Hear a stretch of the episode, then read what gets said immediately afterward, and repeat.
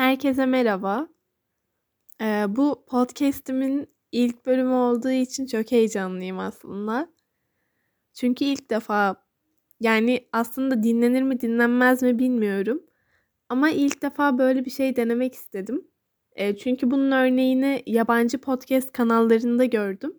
Şiir okuyorlardı. Ben de kendi şiirlerimi okuyabileceğim bir podcast kanalı açma kararı aldım. İsterseniz fazla uzatmadan başlayalım. Freya'nın gözyaşları. O, insanların gelip geçmesini izliyor. Etrafında mini kesintiler yaratmalarını. Fakat sonra kelebek etkisi vuruyor ve böylelikle şiddetli bir fırtınanın kurbanı oluyor. Altın yanaklarında parıldıyor. Onlar Freya'nın gözyaşları. Aslında bu şiiri ben bir şarkıdan türettim. Yani dönüştürdüm daha doğrusu. Bunun orijinali aslında bir şarkıydı.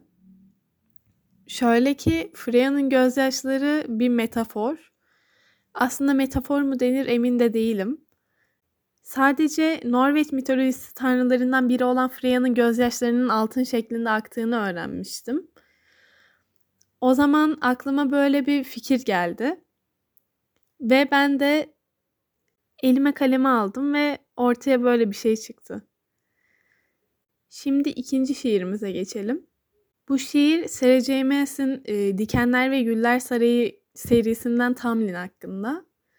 Zaten başlığı da Tamlin. Bir zamanlar hayal edilebilecek en güzel bahçeler varmış. Göksel manzaralar ve cennetli kokular. Hepsi mükemmelmiş. Uzun, oldukça uzun bir süreliğine. Fakat sonra ölüm dolu kış, o huzur verici ve parlak topraklara gelmiş. Tüm tomurcukları anında öldürerek günün birinde o nefes kesici bahçelerde yetişen güzel güller olmalarına engel olmuş. Ve şimdi tüm kalan merhametsiz dikenlermiş. E, bu merhametsiz dikenler e, tüm kalan merhametsiz dikenlermiş ifadesi de e, kitapta Tamlin her şeyini kaybettikten sonra kendisi e, Bahar Sarayı'nın yöneticisi, lordu. E, eskiden çiçekler içindeki sarayı şimdi dikenler içinde kalıyor. Yani tüm güller soluyor ve geriye kalan sadece merhametsiz dikenler oluyor. Üçüncü şiir fazlasıyla kişisel. Benim hakkımda tamamen. Sevgisiz yaratık. Bir ömür öncesinde yıldızları görebiliyordum. Küçük, değersiz dünyamızın üzerinde parladıklarını ve bize hayatlarımızın umudunu vermelerini. Ama sonra karanlık çöktü. Büyüklüğünü anlamam fazla uzun sürdü. İtiraf etmeliyim ki kaybolacağını düşündüm. Amma aptalca bir düşünceydi ama. Şimdi görüyorum ki işte öyle bir niyeti yoktu. O benimle. Beni hiç yalnız bırakmıyor. Kafamın içinde sonsuza dek süren bir kabus. Kalbimde hain bir zehir. Nasıl sevgisiz, unutulmuş bir yaratığa dönüştüğüme şaşmamalı. Bir sonraki e, tamamen kurgusal bir şiir yine. E, bir hikaye anlatıcılığı yaptım aslında. Güzel hayalet. Kalenin devasa kapıları açılıyor. Omurgamdan aşağı inen soğuk bir esintiyle içeri adım atıyorum. Güneş batıyor. Gökyüzünü en sıcak tonlara boyayarak. Kelimeler tıpkı zihnimde yankılandıkları gibi antik duvarlarda da yankılanıyor. Nereye gittin? Tekrar ve tekrar. Şimdi hem korkmuş hem de kederli çığlıklar duyuyorum. Geri dön. Uçsuz bucaksız koridorlarda koşarak bir iz arıyorum. Bu şiir aşık olduğu oğlanı arayan e, bir kız hakkında. E, kız kaleye giriyor ve oğlandan bir iz arıyor ama oğlan tamamen gittiği için hiçbir şey bulamıyor ve e, kederli çığlıklar duyuyorum kısmı da kendi çığlıkları aslında. Geri dön diye bağırıyor. Bir de bu şiirin ikinci bölümü var. O da üçüncü kişinin perspektifinden kızı anlatıyor. Güzel Hayalet ikinci bölüm. Artık güzel olmayan bir elbisenin içindeki ağlayan bir kız kalenin içinde koşuyor. Sonunda parlak şeylerle dolu büyük bir balo salonuna varıyor. Odanın merkezine yürüyor. Ve bir reveransla dans başlıyor. Lekeli bir elbisenin içinde ağlayan bir kız güzel bir hayaletle dans ediyor. Artık güzel olmamasının sebebi yani elbisenin. E, çünkü kız koşarken kendini hırpalamış. Ve bu şekilde elbisede yırtıklar oluşmuş ve lekelenmiş. Ve dans ettiği hayalette anlayacağınız üzere aşık olduğu oğlanın hayaleti. Bir sonraki şiir Victoria Aveyard'ın Kızıl Kraliçesinden Maven hakkında. Majesteleri. Majesteleri evrendeki tek yıldızmışçasına parıldıyor. Onun güzelliği karşısında büyülenmemiş tek bir ruh yok. Yüzünün tanrısal detayları, çıkık elmacık kemikleri ve keskin kenarlar. Sanki tüm zamanların en yetenekli heykeltıraşının kusursuz işçiliğinin elinden çıkmış gibi. Bu şiirin aslında açıklanacak fazla bir yanı yok çünkü her şeyi açıkça ifade ettiğimi düşünüyorum. Kendisi bir kral, o yüzden majesteleri diye sesleniyorum. Ve çok güzel bir karakter, güzelliğiyle öne çıkan bir karakter. Aslında neredeyse bütün şiirlerim onun hakkında. Ama arada tabii ki Freya'nın gözyaşları ya da Tamlin gibi ya da birazdan duyacağınız Alexander gibi e, istisnalar da var tabii ki. Şimdi sıradaki şiir de Maven hakkında. Kendisinin gözleri buz mavisi ve içinde gümüş benekler var. Şiir bununla alakalı. Göğsünün ortasındaki kırılgan mücevheri herkesten öyle iyi saklıyor ki onun boş bir iskeletten fazlası olduğunu fark edebilen tek bir ruh yok. Oysa o buz mavisi gözlerinin içindeki gümüş beneklerin parıltısı ona aşık olmamaya çalışmayı mantıksız hale getiriyor. Ah, o gümüş benekler. Şimdi onun boş bir iskeletten fazlası olduğunu fark edebilen tek bir ruh yok e, kısmı dizesi daha doğrusu.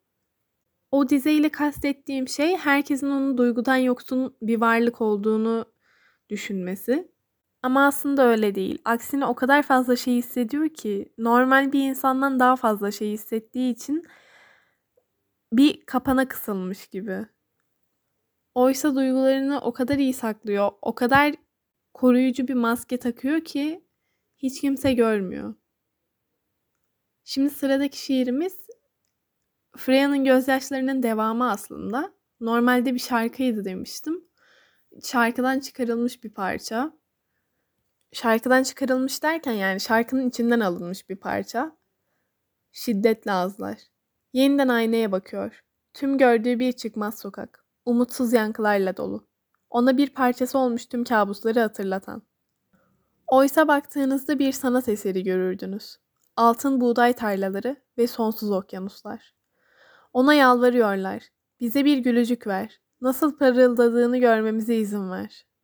Ne var ki cennetsi yüzünde hiç neşe yok. Çünkü kendini hiçbir zaman bulmadı. O şiddetli ağızlarda. Aslında bu şiddetli ağızlar e, Shakespeare'in e, Romeo ve Juliet eserinden alınmış bir metafor. Ben çok severim Shakespeare gibi büyük sanatçılardan alıntılar yapmayı.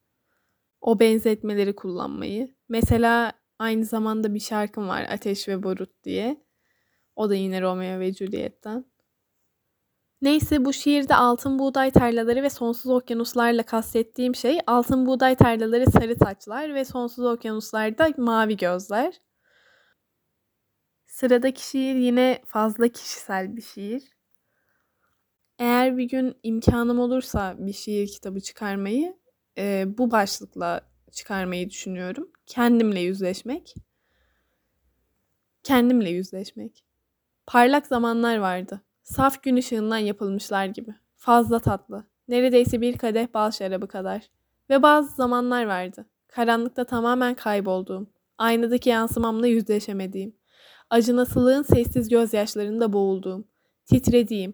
Aslında hiç var olmamış olan çarpık bir yolda yolumu kaybettiğim. Karanlıkta kendi sesimi duyuyorum. Durdur şunu, durdur şunu, durdur şunu.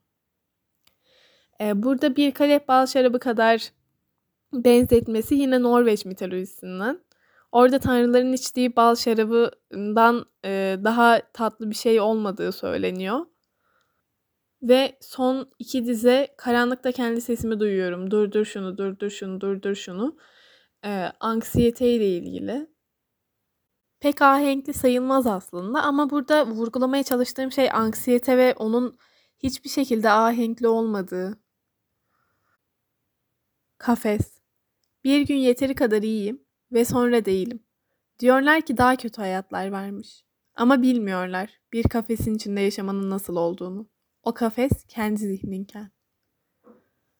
Şimdi burada diyorlar ki daha kötü hayatlar varmış. Her anne babanın yaptığı şey e, haline şükret. Daha kötü hayatlar var. Daha kötü durumdakiler var. Ama bir kafesin içinde yaşamanın nasıl olduğunu gerçekten bilmiyorlar. O kafes özellikle de kendi zihnimizken. Yaşamayan gerçekten bunu bilemez. Hani burada kastettiğim şey ağır depresyon. Kendi zihninin içinden çıkamamak. Ama buna her şeyden daha çok istemek. Bir sonraki şiir kendine zarar vermek hakkında. Fiziksel bir zarardan bahsediyorum. Şu an belki platform kurallarına aykırı olabilir diye söyleyemiyorum ama hani kendine zarar vermek ve bunun kişinin hayatıyla sona ermesi. Karanlık tohum. Buradayım. Dibi olmayan karanlık bir kuyuda. Burası geri dönüp durduğum yer. Belki dün daha iyi olduğuma karar verdim. Ama her zaman ortaya çıkacak. Aslında olmadığım. Kafamın içine bırakılmış karanlık bir tohum var. Tekrar tekrar yeni yaralar açmak için. Günden güne büyüyen. Biliyorum, hepsini bitirebilirim. Kalbimin arzuladığı şekilde değil. Ama yine de Belki dün iyi olduğuma karar verdim dizesi burada e, hani bazen iyi olduğunuzu sanarsınız da ama aslında değilsinizdir ve aslında her zaman kötüsünüzdür. Hep kötü hissedersiniz ama iyiyim diye kendinizi ikna etmeye çalışırsınız ama aslında bir yandan da kötü olduğunuzun farkındasınız, farkındasınızdır. Burada ondan bahsediyorum. Kafamın içine bırakılmış karanlık bir tohum var. Tekrar tekrar yeni yaralar açmak için günden güne büyüyen. Ee, burada da aslında Victoria Aveyard'dan alıntı yaptım. Orada da Maven diyordu ki e, kafamın annem kafamın içine bir tohum yerleştirdi sanki ve e, günden güne büyüyor. Ondan alıntı yaptım.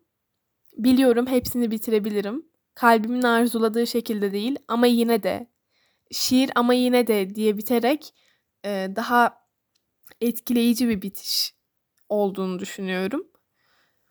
Çünkü tam olarak açıklamayarak e, sonunu sürpriz bir şekilde bitiriyor. Sanki yazmaya devam edememiş gibi. Kalbimin arzuladığı şekilde değil derken aslında burada yazan kişi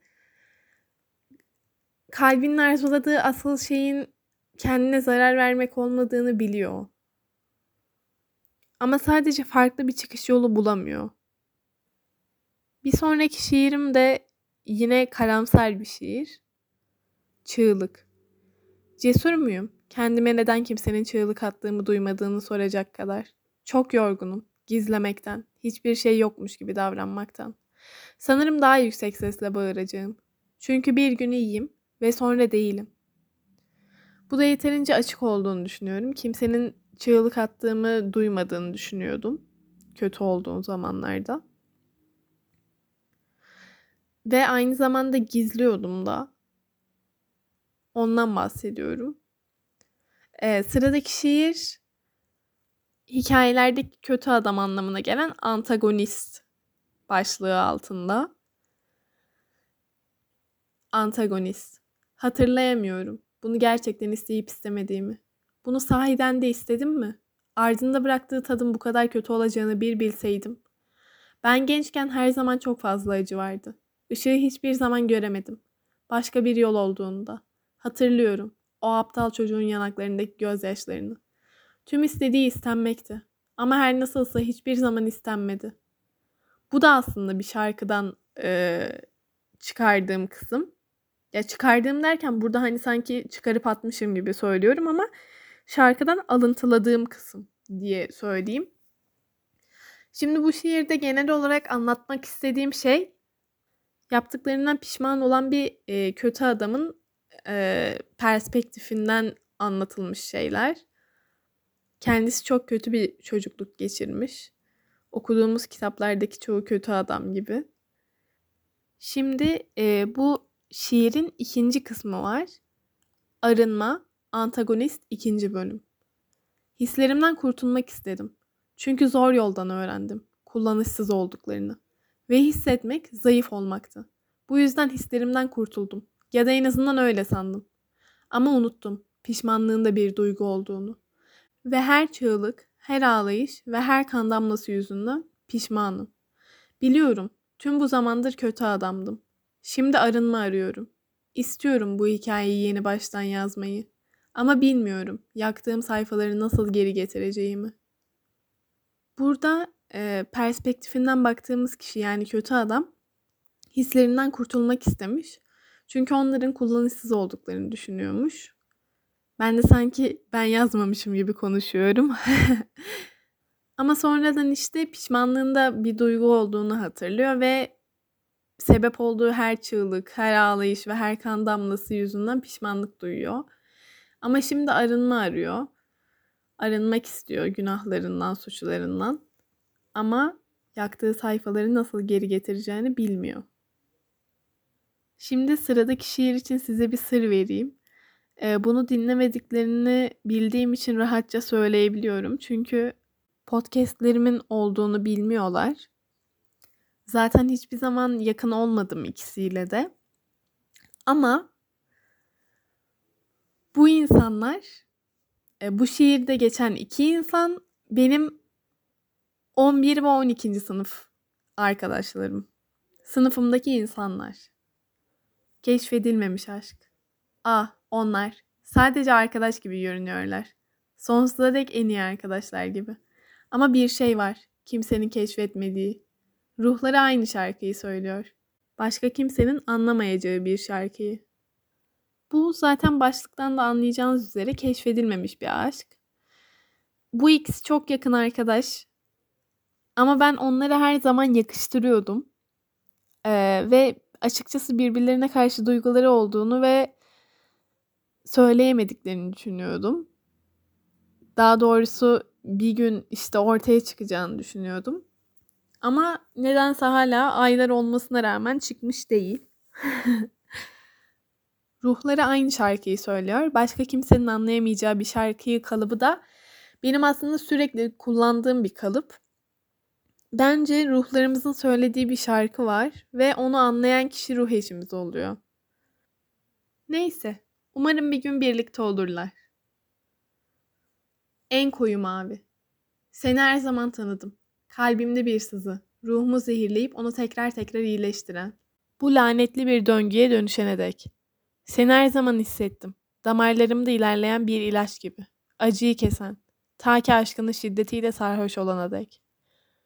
Kederin kaç tonu var? Biz ikimiz ruhumuza işlenmiş en koyu maviye sahibiz.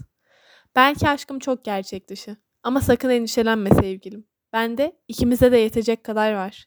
Biliyorum. Sayısız sorunum var. İzin ver benim sorunum olsunlar.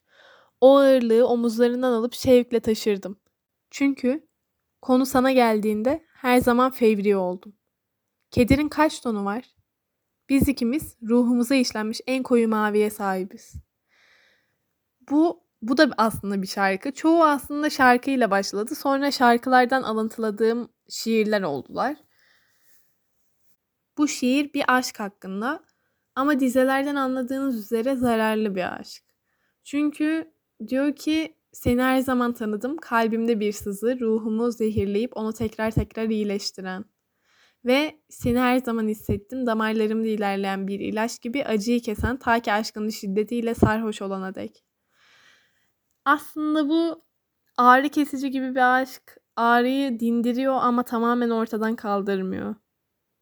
Yani aslında yararlı olduğunu düşündüğümüz bir şeyin zararlı olması. Ama bunun farkında olamayacak kadar kör olmamız. Ve bunun yıllarca devam etmesi. Kederin kaç tonu var? Biz ikimiz ruhumuza işlenmiş en koyu maviye sahibiz de e, İngilizce'de bir deyim vardır belki bilirsiniz. Feeling blue diye. E, bu üzgün hissetmek anlamına gelir. Yani mavi hissetmek. Mavi hüznün rengidir biz ikimiz ruhumuza işlenmiş en koyu maviye sahibiz de bu iki kişinin de depresyona sahip olduğunu gösteriyor. İki ruh. Sevdiğimiz zaman fazla seviyoruz. Sonra acı konusunda harika olduğumuzu sanıyoruz. Ama en derinlerde ikimiz de biliyoruz ki değiliz. Biz sadece tutunacak bir şeye yarayan iki ruhuz ve ben sana tutunuyorum. Şimdi burada e, ikisi de sevdikleri zaman fazla seven, her duyguyu normal bir insandan daha fazla hisseden iki insan hakkında. İkisi de acıyla başa çıkmada harika olduklarını düşünüyorlar. Ama en derinlerde ikisi de biliyor ki değiller. İkisi de acı çektikleri zaman dibi boyluyorlar. Onlar sadece tutunacak bir şeye yarayan iki ruh. Ve kadın adama tutunuyor.